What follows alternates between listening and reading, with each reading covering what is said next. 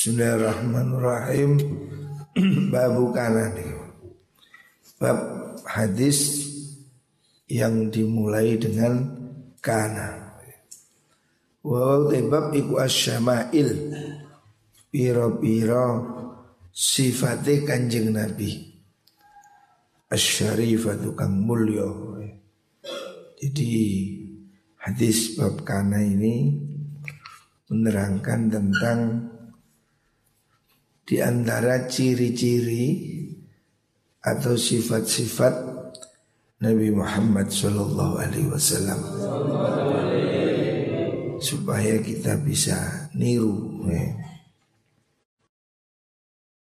Karena Rasulullah Shallallahu Alaihi Wasallam Abiyallah musyarraban bayaduhu bihumrah wa kana aswadul hadaqa ahdabal asfar. Di antara sahabat ya yang mensifati kanjeng Nabi. Karena ono sapa Rasulullah sallallahu alaihi wasallam iku abyadha wong kang putih putih kulitnya. Jadi Nabi itu digambarkan kulitnya putih ya.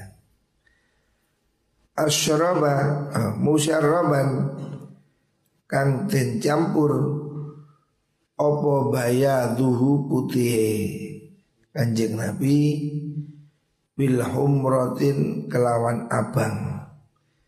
Jadi kulitnya kanjeng Nabi itu putih kemerahan. Maksudnya putih kemerahan itu ya Ya putih tapi agak merah itu.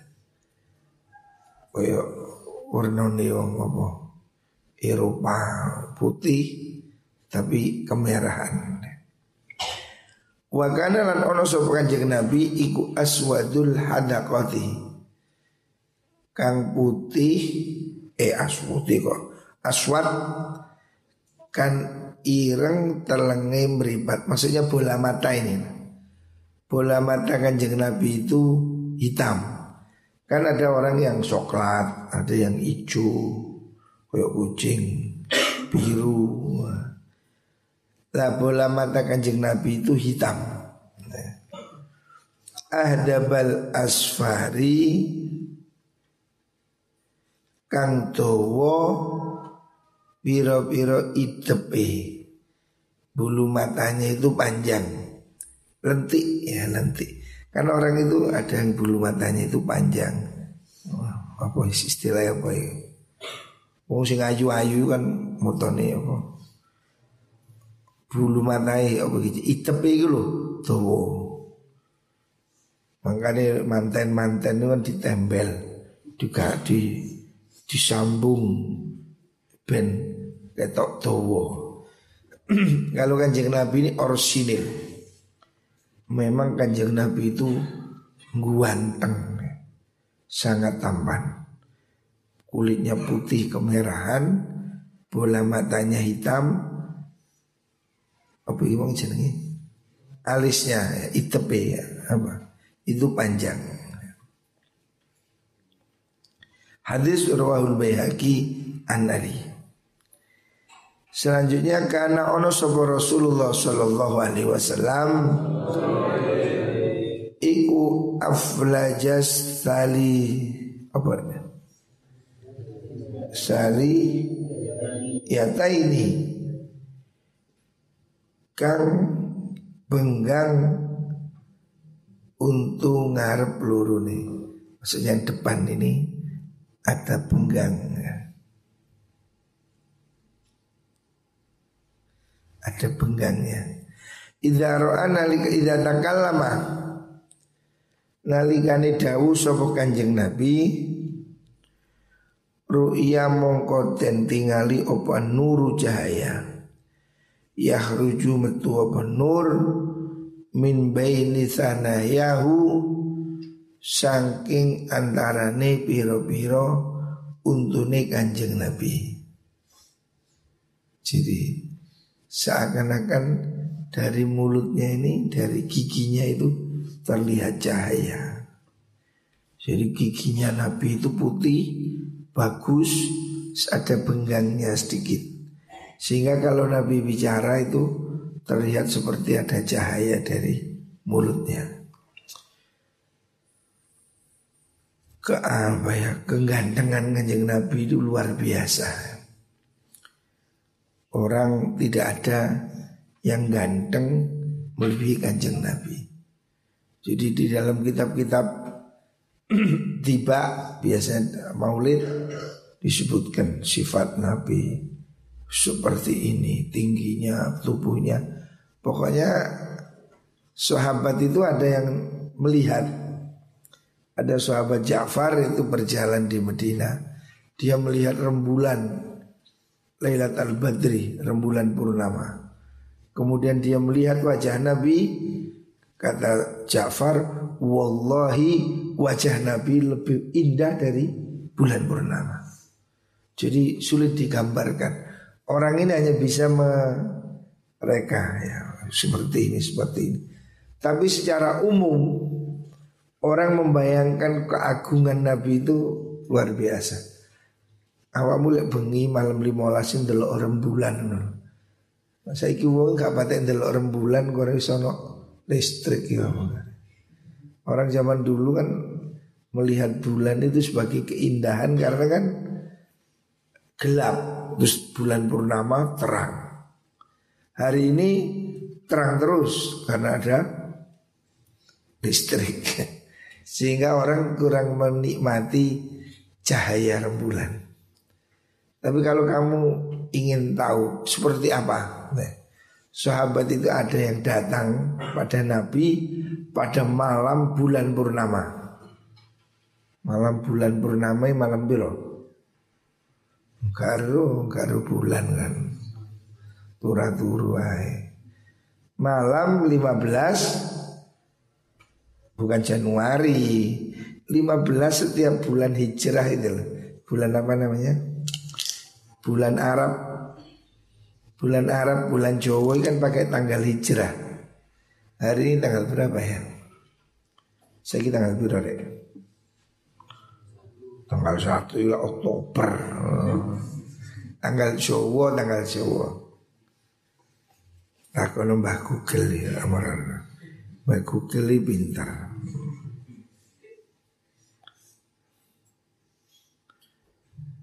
Hari ini tanggal berapa? Nah, Mbak Google tahu. Jadi pada tanggal hijrah, ya tanggal hijrah. Hari ini tanggal 13 Sofar. Nah, berarti nggak bengi malam 14. Besok malam wasno meleong wasno dur kamu akan lihat bulan purnama. Malam 15 kalender hijrah. Hari ini tanggal 13 Sofar Tahun berapa? 1442 Hijrah Lah pada bulan purnama itu Bulan tanggal 15 itu sempurna kuning indah. Tapi ada sahabat yang melihat bulan pada waktu itu. Dia mengatakan saya melihat rembulan purnama dan saya menatap wajah Rasulullah Sallallahu Alaihi Wasallam. Dan dia bersumpah wallahi wallahi demi Allah wajah Rasulullah jauh lebih indah dari bulan purnama. Jadi sulit digambarkan deh betapa agung indahnya wajah Rasulullah Sallallahu Alaihi Wasallam. Jadi sulit saking ganteng ini, ganteng tenan. Orang ganteng abal-abal. Rawat Tirmidzi an Abi Ibn Abbas. Selanjutnya diriwayatkan karena Allah Rasulullah sallallahu alaihi wasallam iku dhahmal hamati kang gedi sirai Maksudnya kepalanya besar itu proporsional Orang cilik kaya ndase korek ngono gede, tapi orang gede kaya barongsai ngono ya ora. Maksudnya itu besar tapi proporsional. Orang itu kan ganteng kalau kepalanya besar. Karena wong sing dasi cilik, awe gede dasi cilik kaya korek. Iki enggak sedengan. Sedengan maksudnya ya. Ya proporsional. Kepala orang itu kan wajahnya Kepalanya besar itu kan kelihatan gagah Azimul lihyati Turkang Nopo niku ketel itu loh janggutnya itu besar janggutnya ini tebal ya ketel coro Jawa ini ketel lebat jenggotnya jadi kanjeng Nabi itu sangat berwibawa karena wajahnya itu apa kepalanya besar. Maksudnya kepalanya besar itu menunjukkan apa wibawa gitu loh. Uang itu kan orang jalan mau singguan dengan dengan wajah gede. Wajah cilik loncong ngono kan ya. Gak anu, gak ganteng, gak wibawa. Jadi Nabi itu kalau bisa digambarkan wajahnya itu besar, kepalanya besar. Terus jenggotnya lebat. Nah. Rawahul Baihaqi. Terus karena ono pokalamu dawi Rasulullah sallallahu alaihi wasallam iku kalaman dawu omongan faslan bebek apa sini gagap kayak ajis gagap ada ada Kanjeng Nabi itu bicaranya itu fasol. Fasol itu tegas ya. Ada yang mengatakan fasol maksudnya jelas antara hak dan batil. Bicaranya itu tidak bersayap. Lek halal yang ngomong halal, kalau haram yang ngomong haram. Itu fasol. Tegas. Ya. Famu fahamu ing kalam sapa kullu man sakabehane wong sami akan ngrungu sapa man ing kalam. Jadi cirinya kanjeng Nabi itu kalau bicara itu tegas, tidak terlalu cepat, juga tidak terlalu klemer, itu sedang tegas. Ini hadis riwayatnya Abu Dawud. Selanjutnya karena ono opo ahabul alwani luwih demene luwih den demeni pira-pira warna ilahi maring Kanjeng Nabi iku al hudratu ijo. Kanjeng Nabi itu yang disukai warna oleh Kanjeng Nabi itu warna hijau. Karena warna hijau itu warnanya pakaian penduduk surga. Jadi penduduk surga itu bajunya warnanya hijau. Makanya Nabi suka baju warna hijau. Bukan oranye. Oranye itu tahanan KPK. baju yang disukai Nabi itu hijau. Hijau ya macam-macam hijau. Tapi lek wong Turo biru ya diarani hijau. Hijau daun. Nah. Wong Turo kan duwe biru, hijau kabeh. Oh biru, biru langit, be biru daun. Nah. Kan duwe hijau. Wong Turo kan duwe hijau, biru kabeh. Padahal bajunya Nabi itu warnanya hijau. Yang disukai kanjeng Nabi itu warna hijau. Karena warna hijau itu warnanya baju penduduk surga. Siaban khudrim min sundusin. Nah, warnanya warnanya hijau. Dua sebetulnya. Nabi itu suka warna hijau dan putih. Jadi batik gak suka. Karena belum ada batik zaman itu. Rawahu Abu Nuaim. Selanjutnya karena ono apa habur rayahin luwih den demeni pira-pira wangen-wangen parfum yang disukai ilahi maring Kanjeng Nabi iku al bunga al bunga pacar daun pacar ada bunganya. Nah, itu disukai ya. Jadi terbuat dari bunganya kembang pacar ru pacar. Pacar yang dibuat pacar itu hina itu nah itu seperti itu. Rawal Tabrani.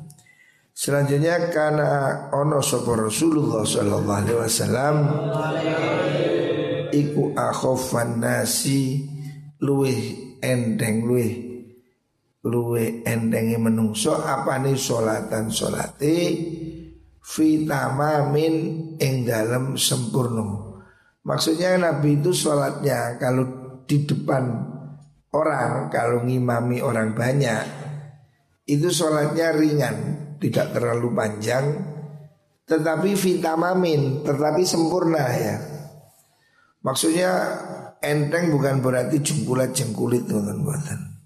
Karena nak uang sholatnya enteng kayak PT nyucuk, plukutuk plukutuk. Sholatnya Nabi itu enteng tapi sempurna.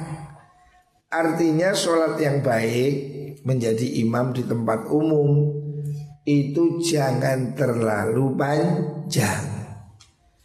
Karena jamaah di tempat umum itu ono sing selak nagih utang. Ono sing kebelet nguyu.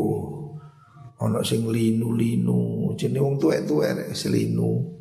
Ono sing boyoken, ono sing anake nangis. Ya. Kalau sholat di tempat khusus seperti di pondok boleh panjang karena ini kan khusus. Ada-ada kan gak selak kesusunan dindi.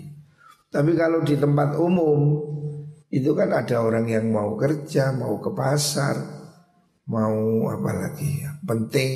Ya. Makanya kalau mengimami jamaah di tempat umum hendaknya itu lebih pendek. Tapi jangan terlalu pendek ya tetap tasbihnya tiga kali. Rawahu Muslim.